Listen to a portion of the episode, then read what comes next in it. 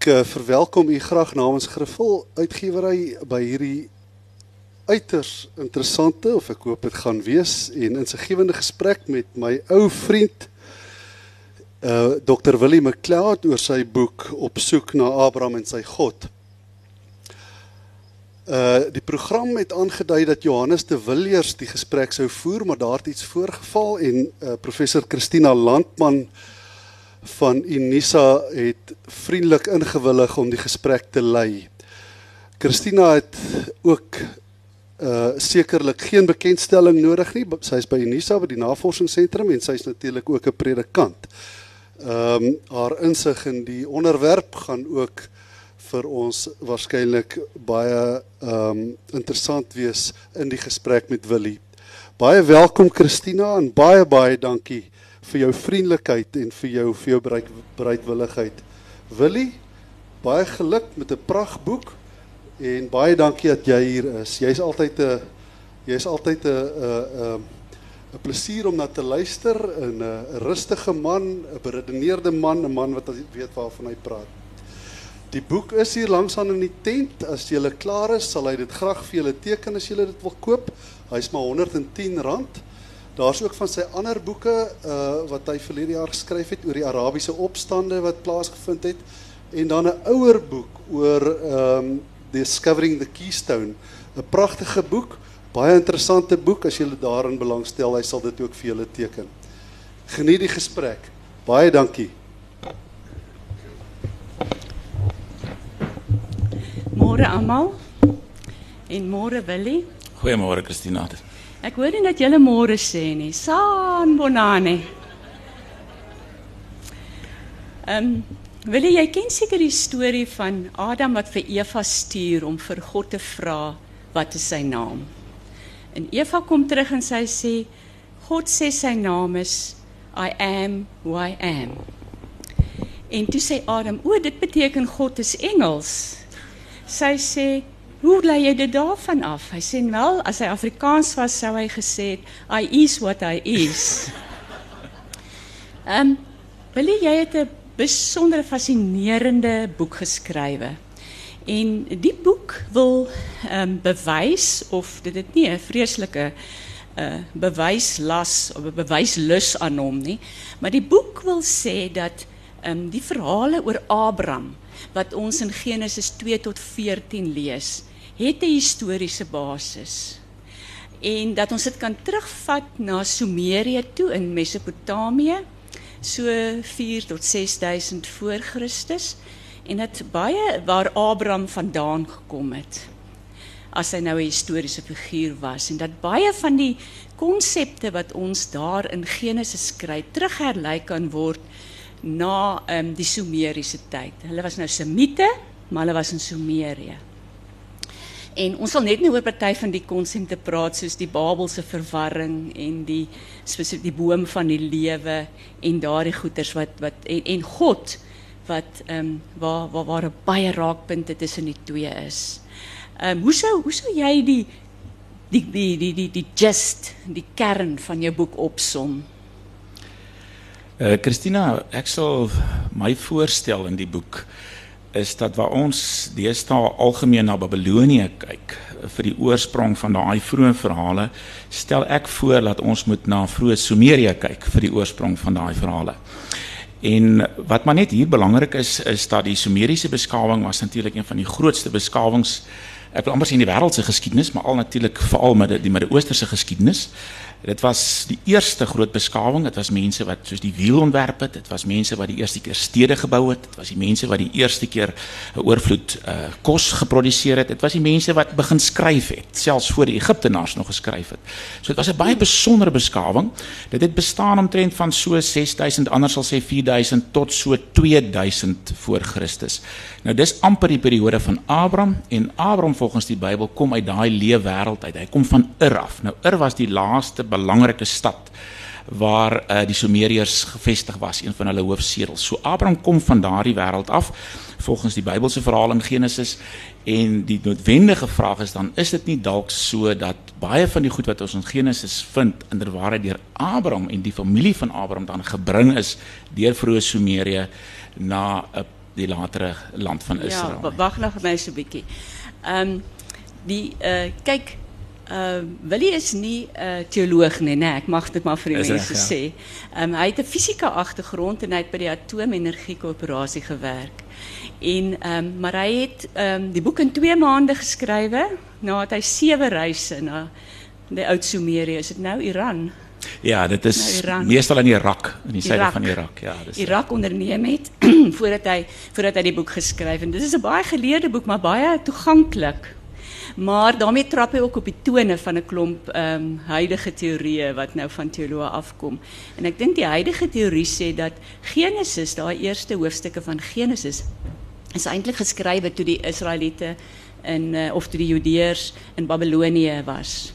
En dat hulle hierdie uh, geskryf het om vir hulle self roots te gee om om vir hulle te gee wat toe nie meer baie duidelik was nie. En dat baie van die verhale in Genesis is eintlik om nou 'n fancy woord te gebruik teologiese legendes wat eintlik maar verklaar waarom dinge is soos hulle is waarom Abel die geveg tussen Adam Abel en Kain gaan meer oor die geveg tussen die uh, boerdery kultuur in die uh, uh, en die en die ehm of of aanplantings of jy nou boere is wat aanplant of jy wat diere aanhou. Dis gaan nou eintlik dis eintlik 'n verklaring vir wat daar gebeur het. Maar jy dink anders. Jy dink nee hierdie kom nie uit Babilonie uit nie. Hierdie kom uit Sumerië uit en dit het 'n historiese basis. Wat gaan jy maak as daai manne jou aanvat?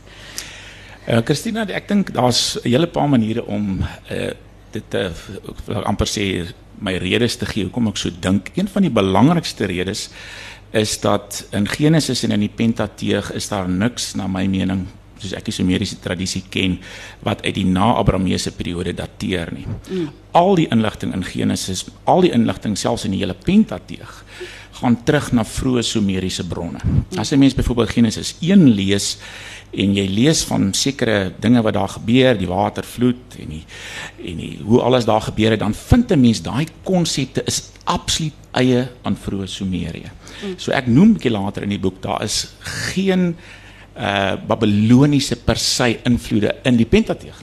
Mm. So dit moet 'n mens laat vra, as hierdie mense hierdie inligting uit Babilonië gekry het, hoe op die aarde is dit dat daar hoegenaamd geen Babiloniese invloed is nie, net vroeë Sumeriese invloede. Mm. So ek dink dis een van die groot of belangrike oorwegings hoekom ek so dink. En dan is daar natuurlik bietjie argeologiese getuienis. As 'n mens na Abraham kyk, daar's nou deesdae ehm um, meer meer onlangse argeologiese getuienis wat bevestig dat die Elamitiese inval waarvan ons in Genesis lees inderdaad plaasgevind het. So ons weet dit het histories gebeur. Verder wat interessant is, as 'n mens byvoorbeeld die Septuagint vat, nou dis die Griekse vertaling van die Hebreëse Bybel wat deur Jesus wel, ek weet nie of Jesus homself aangehaal het, maar die apostels en so aan en die Bybelskrywers haal uit die Septuagint aan in soverre ons byvoorbeeld uh, die literatuur in die Bybel het. So in daardie in die Septuagint is die datering presies oor die inkomstig dit wat ons uit die antieke wêreld se datering vind. So Abraham lewe ook in die regte tyd. Ja. En dan is daar ook ander argeologiese getuienis uit Egipte en so wat ek ook in die boek aanhaal. Ek wil nou nie te veel daarop ingaan nie, maar daar's besonder na my mening nogal sterk getuienis vir 'n historiese Abraham. Dinge wat voorheen nie beskikbaar was nie, maar wat die argeologie intussen vir ons opgegrawe het. Vat maar vir byvoorbeeld ons lees die hoofaanvoerder daarvan die mense teenoor Abraham was Kedor Laomer. Nou ah. Kedor is 'n uh, interessante naam want dit kom presies ooreen met die Elamitiese heerser Kudu. Daar moet mense nou kyk natuurlik die die die die die ehm um, klinkers verander maar 'n bietjie as 'n mens nou in hierdie vroeë geskiedenis krap, maar die medeklinkers bly konstant en dis presies wat ons hier vind. Dis basies dieselfde naam. Ja nee, jy's nou baie baie geleerd vir ons hoor, maar jy moet nou nie dink hierdie boek is nou net vol vol eksotiese name nie. Daar's baie juicy dele daarin. Kom ons kyk nou so 'n paar van hierdie die een wat nogal vir my 'n uh, uh, baie juicy was was die boom van die le van die kennis van goed en kwaad in ja. Genesis 2. Ja. 1 2 Twee, ja. Twee. En jy sê dit uh, dit dui op die Sumeriese tradisie van die shamaans. Kyk in in in Sumerië was daar shamaans. Dit is nou mense wat so 'n uh, 'n uh, uh, hallusinerende uh, uh, ervaring het en hulle self dan verplaas na 'n ander realiteit toe na die geesteswêreld toe. Maar in in in Israel was dit nie so nie. Die profete was nie mense wat wat wat hallusinerende middels geneem het nie. Hulle was juis mense wat wat God het dadelik met hulle gepraat en dan het hulle dit aan die volk oorgedra. Maar nou en nou sê jy daai ding van Israel om homself af te baken teenoor ander beskawings en ander gelowe. Dit kom nou juis uit met daai boom van die kennis, die boom van die kennis, want jy sê onder daai boom in die Sumeriese tradisie het daar hallusinerende sampioene gegroei. En dis hoekom die Here nou vir Adam en Eva sê, moenie daarvan eet nie. Want dan jy weet word want dit is die goed wat shamaans laat hallusineer het. Dit is iets wat Israel nie moet doen nie. Dis nie 'n soort godsdienst wat hulle moet hê nie. En dit was nogal vir my 'n eye opener, hierdie hallusinerende sampioene wat onder die boom van die kennis lewe, 'n uh, 'n uh, groei en dat God sê dit eet julle nie. Dis nie deel van ons tradisie nie. Ja, wat ek daar sê is dat as ons in Genesis lees van die boom en ons lees daar's 'n slang by die boom, dan eh, in baie opsig dink ons is maar net nog 'n storie. Maar as ons gaan kyk in Sumerië, vind ons inderwaarheid dat daar so 'n boom was wat 'n ontsettende belangrike rol in hulle tradisie gespeel het. Nou in hierdie geval was daar nie net 'n slang by die boom onder by die wortels nie, daar was ook 'n arend bo in die boom. So in die Sumeriese tradisie het jy die slang en die arend in die boom. En wat ek dan nou wys is daar's goeie rede om te glo dat die gerubs wat ons van in Genesis uh 3 lees in die hele verhaal rondom die tuin waarskynlik presies ooreenkomstig is met die vroeë arende van die uh, Sumeriese tradisie en ek gee nou verskillende redes daar hoekom ek so dink. So wat ons dan basies hier vind is die slang en die arend of dan nou die gerubs en die slang wat miskien vroeër serafs was wat met die boom verbind word gaan vroeg vroeg terug. In Sumerië om die waarheid te sê is die boom wat ontsettend belangrik is in baie van die literêre werke in Sumerië die slang en die arend kom in drie verskillende sumeriese werke voor. So daar's van die sumerioloë wat sê omdat hierdie so eie is aan shamanisme. In shamanisme reg oor die wêreld vind ons veral in noordelike dele ehm um, daar in die noorde vanaf uh, antieke Sumerië in die berge dele wat ons ook al self besoek het, het 'n mens hierdie pragtige wit bekeboom. Mm. En dit het 'n belangrike rol in daai vroeë shamanisme gespeel. Tot vandag speel dit 'n belangrike rol. En hulle sien dan ook nou 'n slang onder en 'n arend bo by hierdie boom. Nou wat ons nou weet uit meer hedendaagse inligting van mense wat in daai wêreld gereis het, is dat in hierdie shamanisme is dit geweldig belangrik dat daar 'n sekere paddastoel wat met hierdie bepaalde boom verbind word. Mm en wat dan deel is van hulle shamanistiese ervaring. So wat ek in die boek voorstel is dat hierdie vrug wat ons van lees ehm um, van die boom van die lewe miskien dan verband hou met daardie shamanistiese ehm um, allosgeniese parastool. So daar is so ooreenstemming dat 'n mens daai vraag moet vra of dit dan nie ooreenkom nie. En ek moet net ook dit sê dat die boom van die lewe en die vrug van die lewe in daai sin kom nogal self voor in vroeë Sumeriese werke. Daar word daarna verwys. Ek noem dit ook, ja. Jo, jy's so slim vir 'n man, hè? Ek het aan die begin gedink jy stel my op vir iets kry. nee, ek ek ek wil net weet wat wat gaan jy maak as mense sê jy bring goed by mekaar uit wat niks met mekaar te doen het nie. Wat wat gaan jy dan sê? Ja, ek dink as 'n mens die boek vat, ek het nie enige iets in die boek in isolasie hanteer nie. As jy hierdie boek lees, sal jy sien alles is in die konteks in vroeë Sumerië was hierdie simbole wat ek nou van praat en die figure wat ek na verwys wat byvoorbeeld 'n ekwivalente figuur is vir sê maar Adam of vir Nimrod of vir Henog of vir Noag in die ja. vroeë Sumeriese tradisie is daai mense binne 'n sekere konteks wat hulle in die teks genoem word en daai konteks nog wat nog meer interessant is, in die argeologie vind ons dat daai mondelinge tradisies kan in die raamwerk van 'n sekere argeologiese konteks ook geplaas word. So dit vind in die geskiedenis in Sumerië plaas daardie dinge. So wanneer ons in Genesis presies daai selfe verloop van van van van van gebeure vind as wat ons in die Sumeriese tradisie vind, dan is dit treffend ooreenkomstig en dan besef 'n mens dit is uiters onwaarskynlik in my mening dat dit uit die lug gevat is in die Babiloniese tyd opgemaak is as geskiedenis vir Israel terwyl daar so treffende ooreenstemming is hoe dit tot in Israel gekom het. Maar as jy nou Henog wat na die hemel toe opgeneem is, vat ja. en jy kry 'n soortgelyke figuur in in in Sumerië en jy vat Biliam wat nou en jy sê was die eerste sjamaan in die Bybel.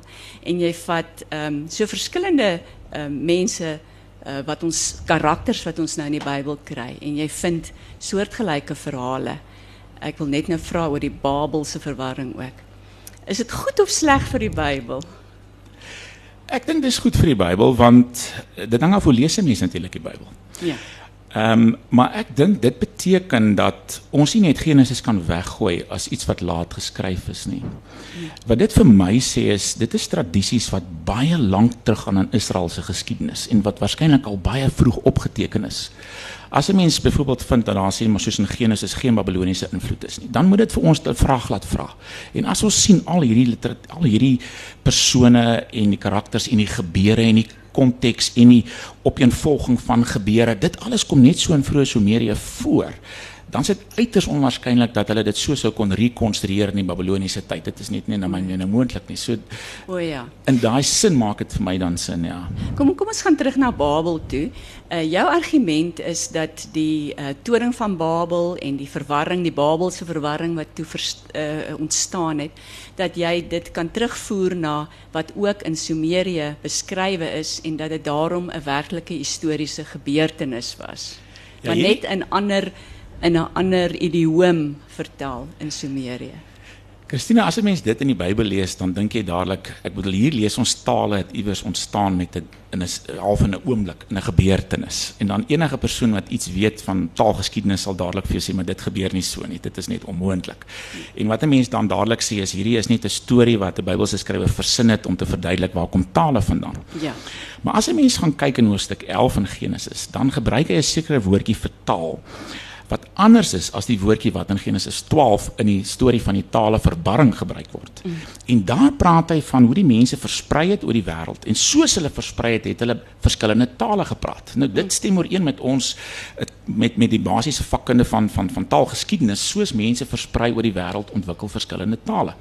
Maar wat ons in Genesis 12 vind, is 'n ander woordjie en ons moet onsself afvra, moet ons dit dalk op 'n ander manier verstaan nie? Nou in Sumerië vind ons ook die tradisie van die taalverwarring. Dis nie net in die Bybel nie, ons vind dit ook daar. Daar word dit weer eens in 'n sekere konteks geplaas. Dit word veral verbind met 'n sekere vroeëre figure in die Sumeriese geskiedenis. Ek dink aan Enmerkar byvoorbeeld wat baie ooreenkom met die Bybelse Nimrod. En wat interessant is daar is dat dit lyk of dit eerder te doen het nie soseer as 'n taalverwarring nie, maar dat dit eerder hier gewees het 'n skrifverwarring gewees het. Dit het met tale te doen gehad. Nou wat gebeur het die vroeë Sumeriërs was die eerste mense om te skryf. Daar's 'n lang aanloop tot hulle soos ons vandag doen 'n fonetiese waarde aan daai bepaalde skrifteken toeken. So aanvanklik het hulle die skrifteken gebruik as 'n simbool, sê net maar vir 'n bees. So vir die bees het hulle 'n V gebruik. Ehm um, en dan het hulle daardeur nou Mens op baie keer sien 'n bees het sy kop so half in 'n V-vorm. In die hemel sien jy ook Taurus die bil het so 'n V-vorm. So dit gaan baie lank terug. So almal het verstaan dit is nou 'n bees waarna verwys word en dan sal hulle miskien sê maar drie streepies of wat op die ehm um, onthou hulle klei tablette gebruik wat hulle gebak het. So dan het jy nou verstaan is 'n bees, daar's drie beeste ensovoorts. Maar toe begin die Sumeriërs om 'n waarde daaraan toe te ken. So in die geval van die bees sal hulle nou sê ap. En nou staan daai simbooltjie staan nie meer eintlik vir bees nie. Dit staan nou vir die klankwaar op. Mm. Nou sit ek 'n ander klankwaar by en skielik begin ons dit lees. So skielik kom daar so 'n fonetiese waarde aan die taal. Nou onthou nou die Sumerier lees dit as op, maar die Semiet vir hom hy hy spreek hy spreek bees op 'n ander manier uit. Dis 'n dis heeltemal 'n ander term wat hy het. Ja. So skielik kan hy glad nie verstaan wat hier geskryf staan nie. En ons kan indink wat 'n geweldige verwarring daar was. So wat ek sê in die geskiedenis, dit was aan die einde van die van die van die Uruk periode in Sumerië, dit is ja. omtrent so 3000 voor Christus, was daar spesifiek 'n geval wat toe hierdie eerste keer uh, fonetiese waarde aan die taal gekoppel is, kon hulle mekaar nie meer verstaan nie. Daar was 'n grootse verwarring en ons vind dit in die geskiedenis. Letterlik die gebied van Sumerië is tot 'n groot mate ontvolk daarna. Ons vind opstande en geskille wat skielik daar plaasgevind het. Baie ooreenkomstig in die Bybelse verhaal. Ja. Kom kom ons gaan nou terug na goed wat ons nie histories kan bewys nie. Daai argument was vir my baie oortuigend. Ehm um, maar ek ek wil nou eers weer 'n grappie vertel as ek mag. Jy weet dit pas nou nie by ons vroue om grappies te vertel nie.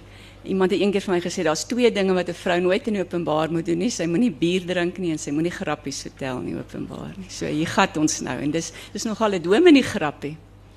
En dis die dominee wat by die baie arm mense huisbesoek doen. En uh, hulle baie kinders en natuurlik 'n hond ook. En na ruk toe, toe vra die mense of die dominee sal by hulle sal eet en hy sien daar's min kos, maar hy voel dis hulle trots hy sal saam eet. Maar terwyl hulle eet is die hond nou hierdie kant van die dominee en dan daai kant van die dominee. En die dominee sê later: "Broer, kan ons nie maar die hond net so bietjie een kant hou terwyl ons eet nie?"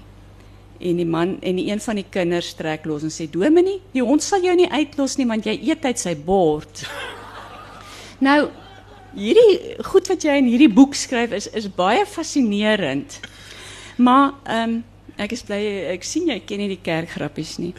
Ehm um, jy weet, dis baie fascinerend, maar wat maak die dominee nou as hy dit vir ons eenvoudige mense moet verduidelik? Kan kan 'n dominee hierdie boek gebruik? Ek dink regtig so want wat gebeur is as ons byvoorbeeld die eerste keer die Bybel lees, as iemand wat sê vandag as ons nou iemand vat wat die eerste keer met die Christendom te doen kry en hy sal die eerste keer Genesis lees, dan is dit vir hom nuwe name, dis nuwe wêrelde, dis vir hom baie vreemd. Ons is nou al, ons het daarmee groot geword. Ek dink almal wat hier sit vandag het groot geword met die Bybel omtrent. So hulle is gewoond aan die name, hulle ken die terme, hulle ken min of meer die geskiedenis. Maar ehm um, wanneer ons nou oor die Sumeriese geskiedenis praat, is dit vir my so hartseer dat in Suid-Afrika as jy van Sumerië praat, weet meeste mense nie waar daai land is nie, mm. nog eens daarvan gehoor nie. So ons het al vir wil nie sê geletterdheidsprobleem nie, maar ons het 'n groot tekort in ons kennis oor daai vroeë periode. Ja. Dis nie 'n algemene term wat vir mense bekend is nie en ek dink deel van die boek is om ook die publieke bietjie bekend te stel aan daai vroeë Sumeriese wêreld. So ek dink dit is nie moeilik geskryf nie. Ek dink dat ehm um, op 'n sekere manier omdat dit in die raamwerk dit vat die Bybel en die geskiedenisverhaal en dit vat dit stuk vir stuk en dit trek dit deur na die Sumeriese wêreld. So ek probeer dit baie lekker koppel op daai manier. So ek dink wanneer 'n mens dit doen, dan kan 'n mens baie lekker aansluiting vind by ek hanteer nou nie Genesis 1 nie, maar van Genesis 2 af kan 'n mens baie lekker aansluiting vind by in 'n sekere manier waar kom hierdie verhaal oorspronklik dan nou vandaan? Ja. Kyk, jy's nou nie 'n neusplikker nie, maar hulle sê as jy iemand aan die neus pluk, dan slaan sy ore toe. So kom ons praat nou 'n bietjie oor wat jy van God sê in die ja. boek. En ehm um, en en dan sê ons of dit nie mense 'n bietjie aan die neus gaan pluk nie. Ehm um, jy jy sê El kom van kom die die verwysing na God as El kom kom uit Sumerië. Jy sê ook El Shaddai is die benaming vir Abraham se familie God. Ja. Dink jy nie dit gaan mense 'n bietjie aan die neus blik nie? Dat hulle sê nee, ons maak nou hierdie heidense boek toe. Ja, dit is nogal 'n ding dat mense kan die boek so lees. Mm. Hulle kan voel ek vind te veel aansluiting by die heidenwêreld. Ehm um, dit is sekerlik 'n gevaar, maar soos ek dit sien, is dit is inderdaad die wêreld waaruit die Bybel en die vroeë Israelitiese wêreld. Dis waaruit Israel kom uiteindelik. So daar's verskillende akademici wat sê maar ons moet inderdaad ons maak te min van hierdie vroeë Sumeriese agtergrond van die Bybel. Ons moet meer daarvan maak. So ek dink net dit is belangrik dat ons daai konteks in ag neem. Daar was 'n tyd toe mense anders as ons gedink het en ons kan nie ons manier van dink op hulle terugprojekteer nie. Ehm um, so in daai vroeë periode in Sumerië vind jy 'n konsep van God wat besonder ooreenkom met dit wat die vroegste strate aan die Bybel vir ons wys. As jy byvoorbeeld Psalm 82 lees of jy lees Deuteronomium uh, 32 vers 7 en 8 tekste wat praat van die vader van die gode. Al al uh, Elion as die vader van die gode. En jy lees van die gode en jy lees van die gode raad en jy lees van die gode berg en as hoeveel tekste in die Bybel wat na hierdie goed verwys. Nou omdat ons nooit die Bybel lees om dit raak te sien nie mis ons dit alles. Maar dis alles daar in die Bybel. Ons lees selfs dat in die Bybel self word hierdie gode of hierdie seuns van God, soos hulle ook baie keer genoem word, word byvoorbeeld met die maan en met die son en met die sterre vereenselwig, veral met die planete vereenselwig in die Bybel. So dit is dele wat oorkom van daai vroeë tradisies af in die Bybel in. En ek dink ons moet daai vroeë leefwêreld moet ons erken dit het bestaan. En nou as jy mens Sumerië vat, dan vind jy El uh, as die oppergod in die uh, semitiese konteks daar was natuurlik semite in vroeë Sumerië gewees. Die Sumeriërs het hom aangenoem. Nou aan beteken die hoogverhewene. Nou dis natuurlik El Elyon is die allerhoogste of die hoogverhewene. Dan het jy ook in Sumerië 'n god gehad. Hy was die seun van die god aan in die Sumeriese tradisie. Hy's Enlil genoem. Nou Sumerië Sumerië loos van mening dat wat ons hier vind is eintlik 'n duplisering van El. So dis eintlik El El. So dis eintlik ons kan dit nou lees of as die God El wat 'n bietjie anders is eintlik as die vader van die gode wat El is, maar hy was die koning van die gode. So hier het ons half 'n tweede El. Die eerste El is die vader van die gode, die tweede El is die koning van die gode. En hierdie tweede El kom voort uit die eerste El as sy seun. Nou as jy mense in die Hebreëse tradisie kyk, praat ons natuurlik van van van Elion. So wat ons hierso het is 'n meervoud eintlik van gode. Gode, letterlik vertel is dit eintlik Elle. So wat ek voorstel as ons kyk na Genesis, het ons eintlik in die vroegste periode kan miskien het Abraham nog El uh, Shaddai as die almagtige 'n vroeë vorm van wat later in Jahwe as die koning van die gode in die goderaad ontwikkel het aanbid en het Melchisedek El Elyon as die vader van die gode aanbid en is dit met die tyd saamgetrek en net wat ons dan nou ken as God of die naam El kom eintlik baie min net so in die Bybel voor. Jy kan vind dit eintlik in Genesis maar later het jy eintlik meer die Elohim vorm. Maar wil jy as jou doel met die boek is om te wys dat ehm um, die die dinge wat in Genesis 2 tot 14 beskryf word histories korrek is, is hierdie goderaad en die seun, gode seuns, is dit dan ook histories korrek? Ek glo so, ek dink dis juist belangrik dat daar was 'n vroeë primitiewe manier van dink. Hmm. En in daai selfde konteks in vroeë Sumerië vind jy El as die vader van die gode en jy vind al die gode wat saam bymekaar kom op die berg van die gode en daar's 'n raad, hulle praat oor dinge. As jy in die Bybel lees van Micha byvoorbeeld en baie ander plekke in die Bybel, ek noem nou maar Micha, dan is Micha die profeet weggevoer. Hy sien God op die troon, die koning van die gode. Hy sien hoe al die gode bymekaar is. Dit word nou in daai geval nie gode genoem nie, maar op ander plekke soos in Jesaja 14 of as baie paar ander plekke wat hy na hulle as gode verwys in die psalms kom dit op baie plekke voor. Byvoorbeeld vat net die term God van die gode. Daar is dit baie mooi. Hier praat en is daar 'n bespreking in die Gode Raad oor wat moet gedoen word nou met Agab dat hy sou sterwe. En die een het so gesê sê die Bybel, die ander een het so gesê en toe daar 'n gees gekom en gesê maar ek sal 'n leengees word in die mond van die profete. Toe sê mm. Jahwe as koning van die gode, jy sal slaag gaan en doen dit. So jy het presies dieselfde konsep. Hy het nou al so 'n bietjie meer uh, daar da word nou nie meer van gode gepraat in hierdie geval, daar word nou van gees gepraat. So en in latere Bybelse taal sien ons dat die Bybelskrywer vervang die woordjie seuns van God of gode tipies met engele. Want engele is die latere woord wat meer gebruik word. Maar in die vroeë periode het ons El as die koning van die gode en al die gode onder hom, die seuns van God In die latere tradisie word daar duidelik onderskei want want want want Jahwe raak die hoogverhewe God en die ander word engele genoem, maar dit gaan terug na dieselfde tradisie. Ons kan ja. sien hoe dit so ontstaan het, hoe dit so ontwikkel het. Ja. Sjoe, ek dink nou aan die aan die grappie van uh, eh, hulle sê as jy nou 'n man daar sien uh, sy die kar se deur oopmaak vir sy vrou hier in die parkeerterrein, dan is dan moet jy weet dis of 'n nuwe vrou of 'n nuwe kar. So Ek wil nou vir jou vra ehm um, uh, wat, wat is nou nuut in die boek wat ons wat ons saam met ons kan vat want as ek nou Sondag oor die Gode Raad gaan preek gaan ek in deep dog food wees. Ehm um, maar maar daar's goeders wat vir my regtig 'n leerkurwe was in die boek. Soos byvoorbeeld, daar weet jy gesê oor die kosmologie, oor die boom van die lewe wat die wat die as is wat hulle gesien het as die as waarom die hele kosmos gebou is. Um, en dit was vir my nogal regtig 'n leerkurwe want ek dink ons onderskat die die manier wat hierdie mense uh, die kosmos gesien het en die geleerdheid wat wat daar was wat ons dink ons vandag so baie van het hulle het niks gehad nie hulle was 'n klomp balukas maar uh, gewoonlik word dit in boeke voorgestel dat mense gedink het daar bo is die hemel die sterre hang so met touwtjies af en hier is die aarde nie onder die vlamme en die en die ellende. Maar jy bewys juis in jou boek hoe geweldig gesofistikeerd hulle oor die kosmos gedink het. Kan jy vir ons bietjie daarvan duidelik want ek dink dit kan ek nogal preek. Ja, lyk my jy voel nie goed kan nie gepreek word wat ek sê nie. Christina ja, um, ek dink ons hartseer vandag is ons is binne mense. Ons sit net altyd in die huis en in die Kaap ja. reën dit nog baie in die mm. winter. Maar jy weet, hulle was buite mense. Hulle sit daar om die vuur, hulle kyk na die sterre. Dis hulle wêreld. Die sterre is hulle wêreld. En as jy mense so in die aand aan die sterre kyk, dan sal jy agterkom dat die loop van die aand die sterre beweeg om ons. So stadig gaan die sterre so om ons. Mm. In effek draai die hele sterre hemel. Maar dit draai om 'n as. Ek spot altyd dan sê ek hy as moet geolie word. Ja. maar die aarde draai om 'n as en die geprojekteerde projeksie van die aardas in die hemel het tot gevolg dat dit lyk asof die sterrehemel soos 'n reuse eier lyk wat stadig om die aarde draai. So hulle het hierdie as het hulle raak gesien. En hulle het hom versinne beeld as die boom wat ons net nou van gepraat het. En dan het hulle verder gegaan en hulle het 'n hele kosmos gekonstrueer op in die raamwerk van hierdie as. Want onthou as jy die aardas as verwysing vat, skielik kan jy praat van bo, want noord is vir jou bo en die hemel is bo.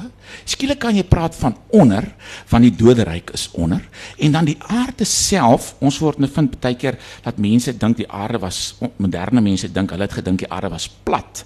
Wat hulle eintlik voorgestel het is daar was vier ontsettende belangrike punte vir hulle in die raamwerk van die kosmos. En dit is wanneer die die die die met die son ewening en met die wanneer die dag en die nag ewe lank is en dan ook wanneer ehm um, die langste dag en die kortste dag. So daai vier punte was vir hulle van sentrale belang en as 'n mens natuurlik elke dag die sterre heeltemal dop hou, dan sal jy die son verskyn net voor die son verskyn. Is daar 'n sekere sterbeeld? Deesdae bring ons dit met die zodiak in verband wat op die horison verskyn. Nou so deur die loop van die jaar eien hulle dus vier sterrebeelde wat presies ewe ver uit mekaar uit lê wat in effek die vier hoeke van die aarde vasstel. Nou omdat daai nie verander nie vir 2200 jaar is daai punte vas. Het hulle dit ook as pilare gesien wat vas is. So dis hoekom die aarde op pilare staan. So dit definieer dus in die middelraamwerk van die kosmos die aarde wat dan nou in 'n sekere sin as 'n vierkant voorgestel kan word wat op die vier ehm um, kardinale punte wys. Bokant dit noord is dan nou die hemel en onder dit is dan nou die doderyk en in die boek beskryf ek 'n bietjie meer hoekom het hulle die gode berg in die noorde gesien? Waar was God se troon? Ons lees byvoorbeeld in die, in Jesaja 14 dat ehm um, die berg is in die uithoeke van die noorde. Nou dit is natuurlik nou presies wat ek sê, dis daar by die noordelike pool van die hemel. Maar wat hulle dan gedoen het is en dis wat baie belangrik is. Hulle het agter hierdie kosmos wat ons nou kan dink miskien baie ver teruggaan, het hulle 'n onsigbare kosmos gesien. So hulle het gesê hierdie verges, hierdie uiterlike gestalte in die raamwerk van die sterre. Dit is nie die kern van die saak nie. Dit gee vir ons 'n manier om half die raamwerk van die kosmos te sien. En jy moes nou eers die hallusinerende sampioene eet voor jy daai Wel, dit hulle het geglo daar's 'n geesteswêreld verborge agter hierdie sterrehemel, agter hierdie sterrekosmos. Mm. Hulle het geglo dis direktief. So dit gee amper die toon aan in die raamwerk van die sigbare kosmos. So hulle het baie daarvan gemaak en deur al die eeue in die Bybelse tradisie is die geesteswêreld natuurlik altyd belangrik geweest vir die Bybelskrywers en later in die kerktradisie. Nee, ek sien jy raak baie opgewonde as jy oor hierdie goed praat. Ek ek het nou ehm um, jy het ook aan 'n Sumeriese leesgroep behoort. Ja. En ehm um, en, en en baie van hierdie Sumeriese uh, geskrifte gelees. En uh, dis nou lekker dat ons nou 'n bespreking daaroor en 'n boek daaroor in Afrikaans het. Ehm um, ek wil net egter uh, uh, vra dat goed, ons weet net so 'n bietjie van die Sumeriese wêreld omdat ouens soos jy nou hierdie geskrifte kan lees. Maar wat nou van die ou in daai tyd wat nie kon lees nie? En eh, daar was seker maar 1% van die samelewing wat kon lees, die priesters ja. en so aan. So hoe sal ons weet hoe daai man op die plaas, daai vrou op die platteland, hoe hulle gedink het in daai tyd? Wat het hulle oor God gedink? Of sal ons nooit weet nie want hulle het nie geskryf nie. Ek dink as ons vandag se tyd vat, wat ons nie meer daai duidelike onderskeid het tussen priesters of dan nou mense wat 'n geestelike rol vervul en gewone mense, daai skeiding is nie meer so groot nie.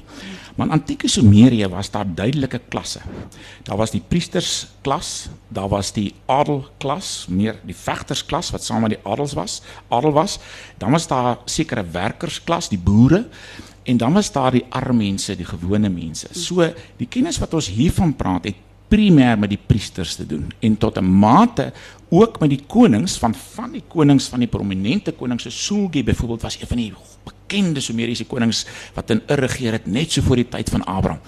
En hy is byvoorbeeld deur die priesters vir jare van my kind was onder lê en hulle het hom geleer. So hy was 'n baie geletterde man as koning. Maar daai tipe kennis was suiwer tot daai klas beperk.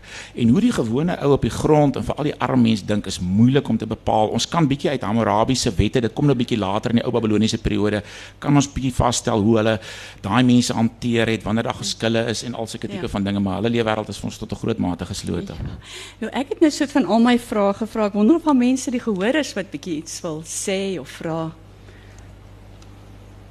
Anders kan ons maar verder praat.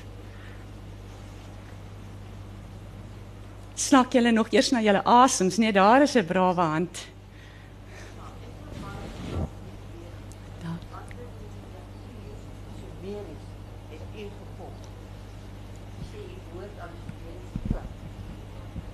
Skus tog.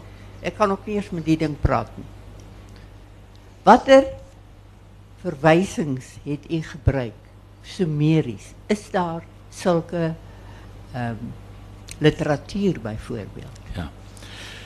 Nou die Sumeriese, het ek net gesê die Sumeriërs was die eerste om te skryf. En wat baie belangrik is wat ek ook in die boek bietjie op uitbrei is as ons vandag skryf is die die die al die gereedskap wat ons gebruik is klaar vasgelê. Daar's 'n taalkonstruksie en ons gebruik dit. Onthou die Sumeriërs het dit nie. Hulle begin. So as hy die eerste keer God wil skryf, moet hy dink, hoekom gebruik ek hierdie simbool en nie 'n ander simbool nie? So daar's 'n sekere konseptuele raamwerk wat agter die Sumeriërs se skryf sit. En dis wat dit so dis wat my so fascineer van die Sumeriërs, want dit sê iets van hoe hulle gedink. As hulle 'n simbool gebruik, as hulle God op 'n manier skryf, as hulle determinatief, dit beteken 'n sekere simbool wat hulle agter 'n woord sit om aan te dui dis van hout, dis 'n mens, dis 'n God. As hulle dit gebruik, ehm um, hoekom gebruik hy dit? Hoekom skryf hulle dit so? Nou, die vroegste tekste wat ons het is omtrent so 2500 voor Christus, dis daar in Farao ontdek. En daar vind ons byvoorbeeld al die helde epog van Lugalbanda wat ek in die, in hierdie boek ook na verwys kom al reeds in 'n gebroke vorm daarvoor. So dit is van jou heel vroegste tekste wat jy kry kom uit die Sumeriese tradisie. En daai tekste is later veral in die Ur-3 periode, dit is so 2100 tot 2000 voor Christus, so rapsie voor die tyd van Abraham, was daar baie digters. Onthou die Sumeriërs het 'n sterk, 'n gewellige sterk uh digterskultuur gehad. En hulle was se mense byvoorbeeld ook nie net die Sumeriërs nie, ook die Semite, die vroeë hulle is Akkadiërs genoem. Dit is die voorvaders natuurlik van die Semite soos byvoorbeeld Abraham en wat ons nou later vir Israel kry.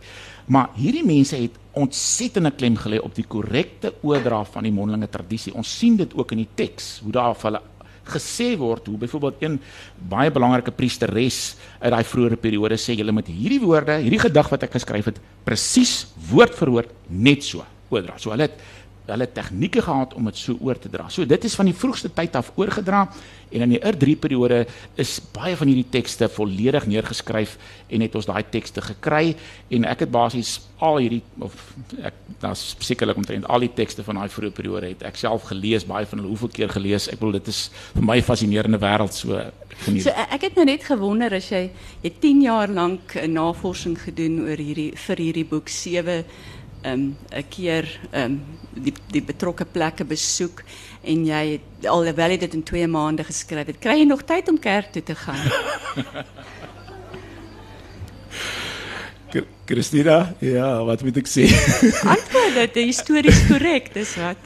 ja, nee, ek ek ek persoonlik uit my hoek van dink voel ek dat ehm um, die Bybel die die boek gee eintlik vir ons 'n basis vir ons geloof. Dit onderskryf ja. eintlik ons geloof. Want dit sê vir ons hierdie goed is nie uit die lug gevat nie. Daar's 'n grond, daar's 'n basis vir hierdie dinge. So ek dink, soos ek die boek lees, soos ek dit geskryf het, is ja. dit eintlik 'n versterking van ons geloof. Dit wys ja, vir ons ja. dit kom uit 'n sekere wêreld uit. So my manier van dink is om te sê maar die boek onderskryf eintlik ehm um, dat ons wel die Bybelse verhaal baie meer vandag skiet ons dit sommer net af vir al die Genesis verhale, maar laat ja. ons miskien twee keer moet dink voor ons dit net afskiet. Nee, ek dink eintlik wat ons almal wil vra, maar miskien uh, is die grondwet daarteen, mag ons dit nie vra nie, maar ek sal maar nogtans vra, in watter kerk voel jy dan nou die tuiste? Krisida, ek sien jy stoot my op hierdie punt. maar kom ek sê vir jou, ek ehm um, ek is iemand wat in baie verskillende kerke optree.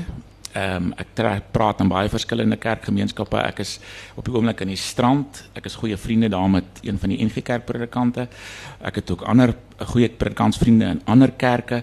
Jy weet so ek voel dat ehm um, spiritualiteit vandag gaan 'n bietjie weier as kerk. Ja, so jy's 'n um, freelance gelowige. Ekskuus tog, miskien is daar nog vrae? Daar's 'n paar hande. Nou kan ek rus. Uh Billy, ek wil jou eerstens gelukwens dat jy 'n baie sensitiewe saak fascinerend gehanteer het. Maar ek wil twee opmerkings maak. Die eerste een is wat het gebeur of wat het, wat het jou gemotiveer of wat het daartoe aanleiding gegee om hierdie boek te skryf? Dan die tweede vraag is wanneer begin jou eie teologiese seminarium? Ja, die vraag oor die boek, ehm um, dit is so moeilik as 'n mens as iemand vir jou vra waar dit begin. Dis my amper 'n vraag wat jy nie kan antwoord nie. Ek kan nou nie eintlik sê waar dit begin het nie. Op 'n dag het ek net gesien ek is besig met die goed en ons is besig om die wêreld vol te reis. Ek stel 'n bietjie weier belang so ek byvoorbeeld die graal is iets wat ons die laaste tyd die eerste keer van gehoor het toe die Da Vinci Code uitgekom het in Suid-Afrika. Nou dis iets wat ek al jare in belang stel, weet in oorsese toere baie ook saamgang met hierdie tipe goed. So ek weet nie op 'n manier het dit net gekom dat Sumerië my al meer gefassineer het, miskien omdat dit so 'n vroeë en belangrike uh, beskawing is, omdat dit so uh, so prominent is in die Midde-Oosterse tradisie. Um die manier hoe die Sumeriërs dink is so bepalend vir hoe die Babiloniërs dink, hoe die Assiriërs dink, na my mening hoe Israel dink. Die die Babiloniese manier van dink is so sentraal aan hulle denke. Dit syfer deur in die geskiedenis na die hele antieke Midde-Ooste, selfs die Egiptenaars tot 'n mate dink. So ek weet nie op 'n manier het dit my net gefassineer en ons het uh, ek en 'n paar vriende het verskillende toere onderneem na baie verskillende ruïnes en afgeleë plekke. Een van my lekkerste toere was daar in Iran. Jy weet, dis moeilik om daai land te besoek, maar die mense, sulke fascinerende mense. En om daar byvoorbeeld ons lees van die sewe bergreekse waar hulle gereis het op pad na die uithoeke van die wêreld in 'n sekere sin waar die Godeberg hulle dan op 'n stadium histories geplaas het moontlik uit die Sumeriese literatuur lyk like dit so. So dit was vir my fantasties. Ek het dit dit was vir my eintlik 'n 'n 'n journey. Wat is die mm. Afrikaanse woord? Dit was vir my 'n belewing. Ek het dit nie loop sit en dit bestudeer as iets wat ek vir 'n taak doen nie. Dit was vir my absoluut deel van my lewe wêreld en ek het dit ontsaglik geniet om die boek al die data bymekaar te sit en die boek te skryf. Maar jy beplan nie om nou 'n opleidingsentrum te begin nie. Nee, ek dink nie op hierdie stadium so nie, ja. Daar was nog 'n vraag. Ehm um, ek wil graag weet asseblief wat die vers, verband is indien daar enige is tussen die skrif waarvan jy nou praat en die skrif van die Hittite by Hattushas en so. Okay, die Hittite kom natuurlik heelwat later as die Sumeriërs. Ehm um, van die Hittite praat ons eintlik as mense wat eers na 2000 regtig begin prominent raak. So eers hier van 1800 af begin hulle regtig prominent raak. Ons vind wel in die Akkadiese periode, ek wil nou nie dis nou ek wil nou nie te tegnies oor dit praat nie, maar so in die jaar 2200, 300 voor Christus, vind ons dat van hierdie semitiese konings wat in Sumerië regeer het, dit word die Akkadiese konings genoem het ver reise onderneem tot in die gebied waar die Hittite later was en in hulle teks en hulle geskrifte oor daai vroeë tyd vind ons die heel vroegste materiaal wat met daai latere uh, Hittitiese ryk te doen het. Nou dit raak die Bybel want ons lees dat die Hittite het natuurlik op 'n stadium met hulle ryk baie gegroei en daar was baie Hittite selfs in die tyd van Abraham was daar Hittite teenwoordig in Palestina. Ek fokus nie op daai deel van die geskiedenis soseer in die boek nie. Ek sien dit as 'n latere invloed en ek sien dit nie as so sentraal tot die denke van Oud-Israel nie. Oud-Israel, na my mening, gaan baie ver terug en as ons die Bybelse verhaal soos ek argumenteer glo dat Abraham welkom uit Sumerië, dan voel ek dis in daai leefwêreld wat ons moet gaan kyk. En wel, dis presies waar ons al die ooreenkomste vind is in Sumerië, nie in in in, in, in onder die Hittite nie. Is daar nog vrae? Is daar nog vrae? Ah, sê? Ek wil wil net graag weet watter verband was daar tussen die gode van die van van van, uh, van die Kanaaniete, Baal en Astarte met die Sumeriese gode. En as 'n mens byvoorbeeld gaan kyk na die wetgewing wat die Here in die uh, in Deuteronomium um, in Exodus gesit het rondom um, die die leef van die Israeliete in Egipte dat hulle elke ag, in in Kanaan waar hulle elke keer die onderskeid moet gemaak tussen dat hy die enigste Here God is en nie is soos die kanonitiese gode is nie. Ehm um, het daar nie in daardie tydperke ontwikkeling gekom in die beskouing van God. Uh, absoluut, absoluut. Ons het dit nou nie in die gesprek aangespreek nie. Maar daai so vroeë Sumeriese wortels het absoluut ontwikkel in die raamwerk van die Kanaan waarin Israel gebly het. En tussen die Ugaritiese teks wat opgegrawe is, dis daar in die noorde van Sirië, uh by die dorpie Ugarit het hulle heelwat tekste opgegrawe so omtrent 80 jaar gelede. En dit gee vir ons 'n pragtige prentjie in die leefwyse van daai Kanaaniete wat eintlik ook Semite was. En gee ook vir ons 'n prentjie van die leefwêreld van van van Israel wat later in daai selfde wêreld geleef het. Hierdie dokumente kom meestal so 1400 1200 voor Christus. Nou dit is omtrent die tyd van die Bybelse uittog wat dit dateer, maar dit gaan natuurlik ook oor vroeëre periodes. So in die Kanaanitiese tradisie het jy byvoorbeeld El as die vader van die gode. Jy het die Godeberg jy het baie van die konsepte wat in die Bybel voorkom, die maansterre en so aan as die seuns van God vind jy net so onder die Kanaaniete. Maar waar die verskil gekom het is in die vroeë Mesopotamiese tradisie was daar 'n sekere punt toe Marduk belangrik geraak het. Dit was in die oud Babiloniese periode. Marduk is die opstandeling in die raad. Hy staan op. Hy lei die jonger gode in opstand teen die ouer gode en hy ontroon inderwaarheid die El-god in die Sumeriese tradisie. Nou in Israel vind ons, laat ek dit eers stel in in in in, in Kanaan vind ons dat die Baal van van van van Ugarit wat daar vereer is, is die presiese ekwivalent van die Marduk van Babilonie. Hy dieselfde ek noem dit nou in my boek so 'n bietjie ek brei bietjie daarop. Hy dieselfde rol, hy dieselfde karakter, hy dieselfde plek in die Goderaad. Hy's ook die die die die rebel in die Goderaad en die Kanaaniete het Baal dan as die koning van die gode erken en hulle het hom aan aanbid ook. Daar was 'n berg Sapan daar naby waar die goderaad was met Baal. Hulle het 'n ander berg gesien waar El nog steeds koning was, maar El het begin verdof amper in hulle perspektief. Baal was belangrik. Israel het nie daai deel van die mitologie aanvaar nie. Israel het gesê El bly vir ons die topgod, is die hoofgod en Baal bly die opstandeling in die raad. En dis hoekom as jy later vind dat Jesus vir byvoorbeeld van Satan praat as Beelzebub, dan daai woordjie Beelzebub kom net so in die Oegere teks voor en dit beteken maar net Baal die heer van die aarde in daai geval. En hy is die opstandeling in die raad. En dis waar die Satan figuur in effek vandaan kom in die Bybelse tradisie. Hy is die opstandeling in die raad. Jesus noem hom ook Beelzebub. So al hierdie tradisies as 'n mens na Israel kyk en waar kom die gode raad vandaan? Die vader van die gode Elion El Shaddai, die koning van die gode. Dis verskillende name van El, maar wat met hierdie rolle verbind kan word. Satan as die teenstander in die raad. Mens kan eintlik nie oor Satan praat as jy nie in die ramer van die gode raad praat nie. Want skielik as jy hom losmaak van die gode raad in hierdie leefwêreld waar hy dit gekom het, dan raak hy eintlik 'n figuur wat nie betekenis het nie. Jy kan op ander maniere daaroor dink wat nie sin maak in die, vir die mense van daai vroeë tyd nie. So nou kan ons sien hoe dat Kanaan 'n geweldige impak gehad het ook op die hele hoe die Israelitiese konsep ontwikkel het van God en ek bespreek dit ook in die boek. Ehm um, so ehm um, mense kan 'n bietjie daarna kyk. Ja. Dankie. Ek dink ons het nog tyd vir een vraag. Is daar 'n vraag?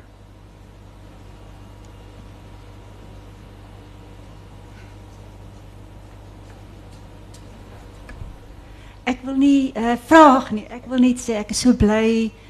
Daar gaan honderd goed deur my gedagtes, maar ek is net so bly ek leef nou want ek dink 30 jaar gelede sou hierdie boek groot opslaafwerk het. Ek is so bly.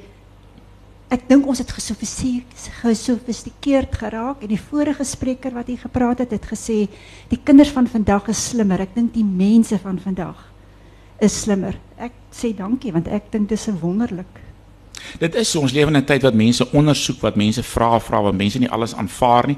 En ek skryf juis in die begin van die boek, hierdie boek is juis bedoel vir mense wat vra, vra, wat wonder, wat twyfel, want dit is die hele gedagte gewees met die boek om daai omdat daar so 'n gesprek in val in Afrikaanse kringe is oor baie van hierdie sake om, om 'n bydrae daar te lewer. Ja, maar hierdie boek moet ek weer sê is half maar 'n inleidende gesprek. Ek weet dit is nie 'n akademiese boek wat 'n groot saak probeer bewys of iets nie. Dis 'n inleidende gesprek tot dit wat ons nou oor praat. Nou as hierdie inleidende gesprek is, wat gaan jy nou die volgende 10 jaar doen? Christina, ek is baie geïnteresseerd in die filosofie. En op hierdie stadium studeer ek bietjie verder ook in die filosofie en uh ek kom uit die wetenskap, so ek is geïnteresseerd in die teoretiese fisika en ek sit dit bietjie by die filosofie, so Daar's baie ander dinge wat my ook interesseer. Ehm um, maar ek wil op 'n stadium miskien ook ietsie skryf oor die gevalle engele en wat agter daai tradisie lê in antieke Sumerië. Want daar's 'n groot stuk as ons by die Bybel kom, dan het daar al baie dinge gebeur. Daar is al eeue se se se geskiedenis en se mitologie wat al voor dit lê. So die vraag is hoe het ons by daai punt gekom waar die Bybel half afskop en Ja, so as jy as jy daarvan hou, ek sien dat jy um, dat jy as jy iets bestudeer, wil jy daai land onder jou voete voel. So waar gaan jy nou die gevalle engele soek? dit kom ook maar uit die Sumeriese tradisie en alles. So daar's baie goeie inligting oor dit ja. Ons gaan hulle daar kry. Wel daai vroeë periode. Kyk, ek dink die gevalle engele ehm was in die raamwerk wat ek nou praat, is dit eintlik die gode wat Baal gevolg het of wat Marduk gevolg het. Hulle het inderwaarheid die opstandelinge geraak, die gevalle engele geraak. So mense kan dit in daai konteks sien, maar in Sumerië is daar 'n baie groter stuk geskiedenis. Dit gaan al terug na die vroegste tyd toe die god van die aarde Enki of die god van Sumerië in konflik was met die god An, die oppergod van die hemel en hulle twee volgelinge teenoor mekaar gestaan en in stryd was. So daar's 'n groot stuk tradisie en geskiedenis wat al daar agter lê. Willie, ons het so baie lekker met jou gesels. Dit was nou regtig besonder lekker en dit was vir my eerlikwaar heerlik om hierdie boek te lees. Dit het my insigte in die Bybel baie vergroot en in hierdie wêreld waarin die mense gewoon het, waar, waar van wie ons in die Bybel lees. En baie dankie hiervoor. Christina, dit was my ook baie lekker om met jou te praat. Baie baie dankie.